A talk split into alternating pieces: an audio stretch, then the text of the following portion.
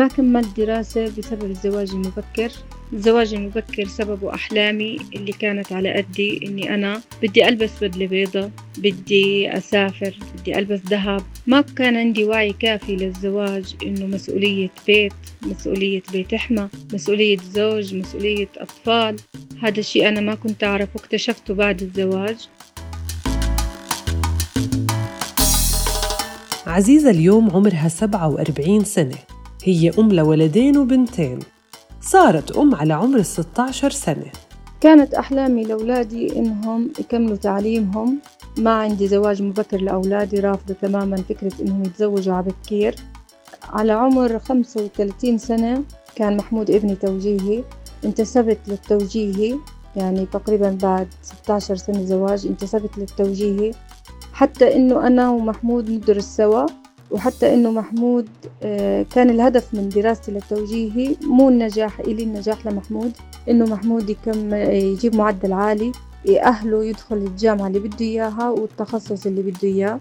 والحمد لله محمود نجح وجاب معدل منيح ودخل جامعة وكمل ماستر. سحر خلصت بكالوريوس محاسبة. محمد ما كمل تعليمه كان وضعه الصحي مش مش ولا بد.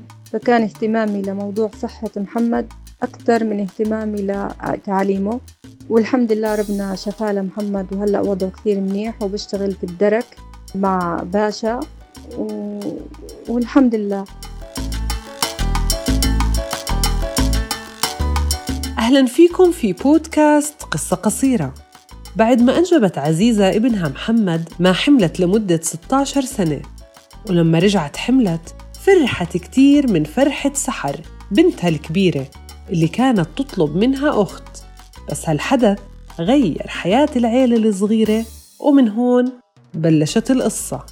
كنت أطلب من الله إنه يكمل فرحتي وتكون يكون جنس البيبي أنثى. حتى إنه خلص يعني ألبي رغبة سحر وأجيب لها أخت. في الشهر الرابع عرفت إنه جنس البيبي آه، أنثى. كانت فرحتي كثير كبيرة وفرحة سحر كانت لا توصف. بلشنا نجهز غرفة البنت.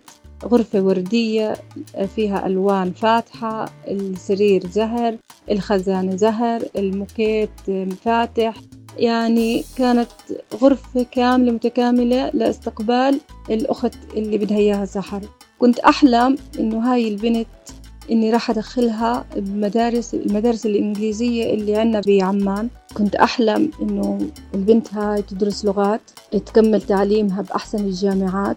خططت وحلمت واستنيت التسع شهور على نار إنه أنا بدي أشوف هاي البنت اللي أنا عم بخطط لمستقبلها.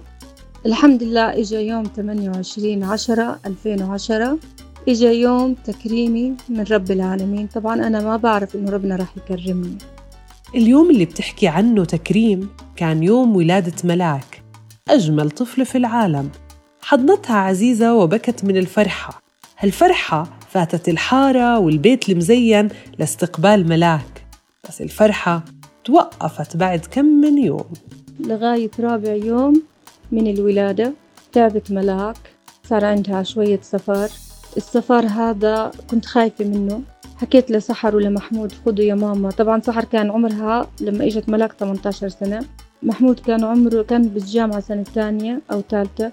حكيت لهم خدوا ملاك على الدكتور وشوفوا ليش ملاك عندها السفر. طبعا الدكتور أول ما شاف ملاك بيحكي لسحر أنت أمها. بيحكي لمحمود أنت أبوها. طبعا حكوا له لا إحنا أخوتها. حكى لهم عادة الأطفال اللي مثل ملاك ما. طبعا هو حكى المصطلح اللي أنا برفض أحكيه بس هو اسمه العلمي متلازمة داون لكن هو حكاه بمصطلح عامي أنا ما بقدر أحكيه حكى لهم عادة الأطفال هدول بيكون عندهم آه، الصفار زايد وبكون عندهم ارتخاء.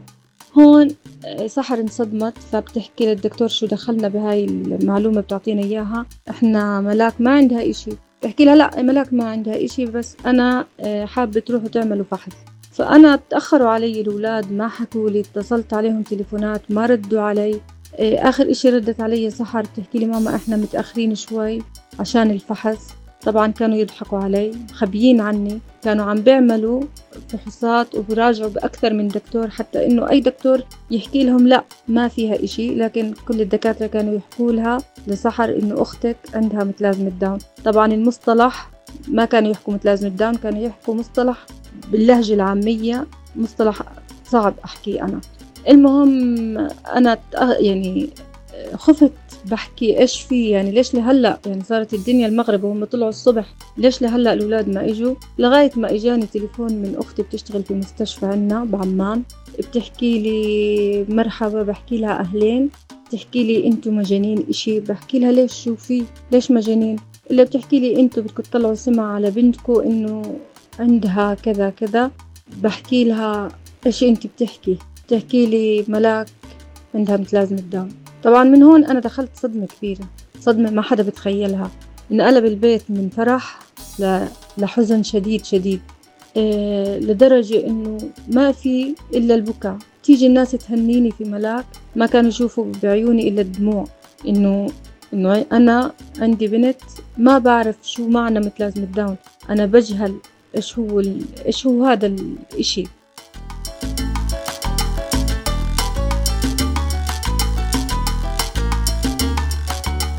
هيك بلحظة بدون سابق إنذار أو مؤشر حياتها انقلبت وحالة الحزن اللي فاتت فيها كانت لسببين. الأول حزن على سحر والثاني كان لأنه عندها بنت معها متلازمة داون. الحزن ما كان رفض أبدا بالعكس أنا احتضنتها وتقبلتها وحطيتها بعيوني من جوا وعاهدت نفسي إني أكرس حياتي كلها لملاك. لكن حزني كان إنه أنا خايفة إيش مستقبلها؟ شو راح يصير فيها؟ شو نظرة الناس إلها؟ شو نظرة المجتمع؟ بدها تدرس؟ بدها تكمل تعليم؟ زي ما كنت أحلم إنه ملك راح تدرس بالمدارس الإنجليزية بعمان. كل أحلامي تبخرت كل أحلامي راحت كل طموحاتي والآمال اللي أنا بنيتها كلها تبخرت بثواني. وأنا بعز الصدمة وأنا ببكي لرب العالمين وبحكي يا رب أنت خلقت ملاك عندها متلازمة داون لا اعتراض أنا مؤمن بقضاء الله وقدره. لا اعتراض أبدا. لكن يا رب مثل ما خلقتها متلازمة داون حنن قلب الناس عليها. حبب, الم... حبب الناس فيها. ارفع شأنها دنيا وآخرة. آه، اجعلها من أذكى الناس. اجعلها من أحسن الناس. لا ترميها. لا تتخلى عنها. لا تخليها عالة على أهلها عالة على المجتمع. فبلشت من هون. بلشت إنه خلص يا عزيزة أنت صرتي تحت الأمر الواقع. أنت هلأ عندك طفلة احتياجات خاصة. بدك تعرفي شو هذا الإشي حتى تقدري تتأقلمي معه وتحاولي تأهليها. طبعا يمكن بعد أسبوع من الصدمة آه، رحت على المراكز. بدي أتعرف على أطفال متلازمة داون بدي أعرف شو يعني متلازمة داون يعني أنا كنت أشوف شباب أو صبايا من متلازمة داون بالشوارع. كانت نظرتي جدا سلبية لهالإشي هذا. فبدي إشي تاني بدي أشوف إشي تاني اللي يريح قلبي شوي.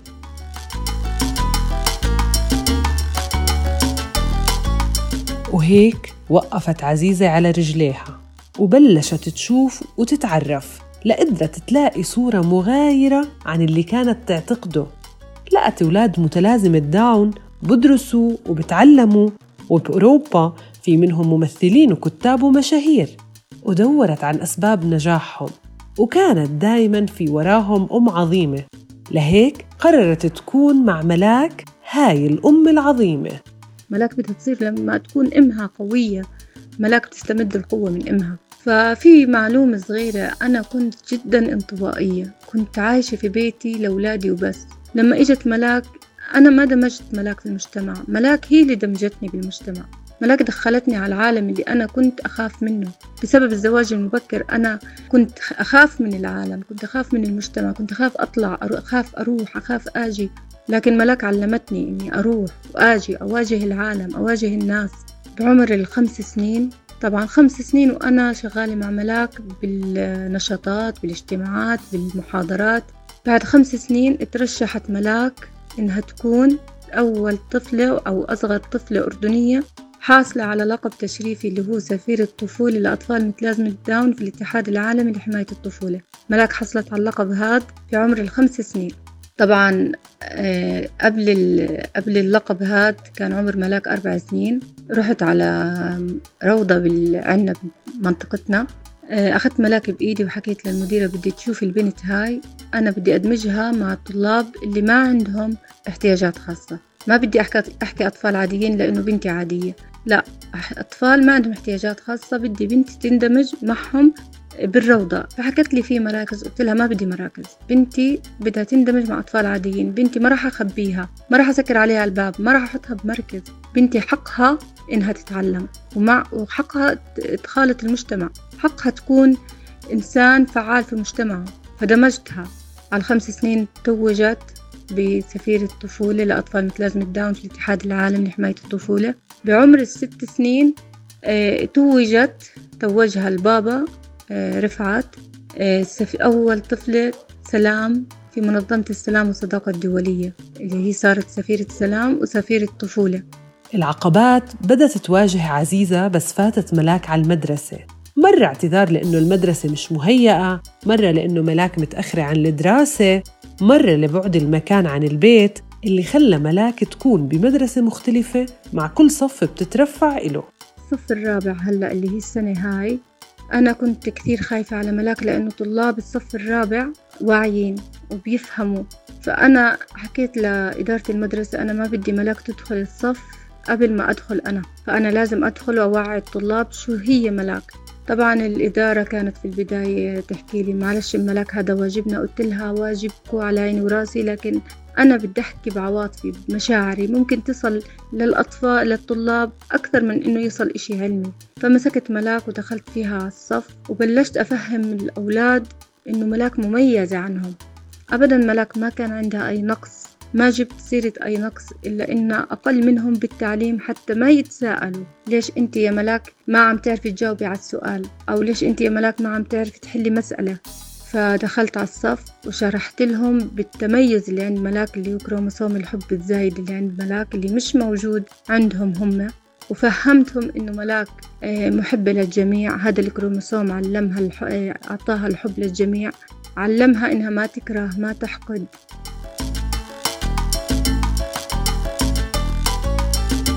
أم ملاك عملت هالمقدمة في المدرسة عشان تحمي بنتها من أي أسئلة ممكن تتعرض لها وأي تساؤلات ممكن تخطر ببال الأولاد. وليروحوا يحكوا لعائلاتهم عن كروموسوم الحب ويزيد الوعي في المجتمع اللي هو أكبر معيق إلها بإحباط كل الجهود اللي عم تعملها ولأنه دائما بنمط النظرة تجاه أطفال متلازمة داون. بس رغم كل هالصعوبات لسه أم ملاك بتحلم. أنا رغم كل الصعوبات اللي واجهتها والمعوقات اللي بحياتي ما زلت بحلم إني أشوف ملاك تدرس لغات لأنه ملاك بتحب الإنجليش كثير. بحسها بتندمج مع الإنجليش أكثر من اللغة العربية. يعني بتتجاوب أكثر بتستسهل اللغة. دائما بتحضر على اليوتيوب آه، برامج آه، للأطفال أجنبية. فبحسها ميالة كثير للغات. يمكن لأنه أنا بتمنى من الله إنها تدرس لغات. فبحس إنه ملاك عم من صغرها بتحب الإنجليزي الإنجليش. فأنا بتمنى إني أشوفها دارسة لغات تشتغل في هالاختصاص وتكون جد فعالة في مجتمعها.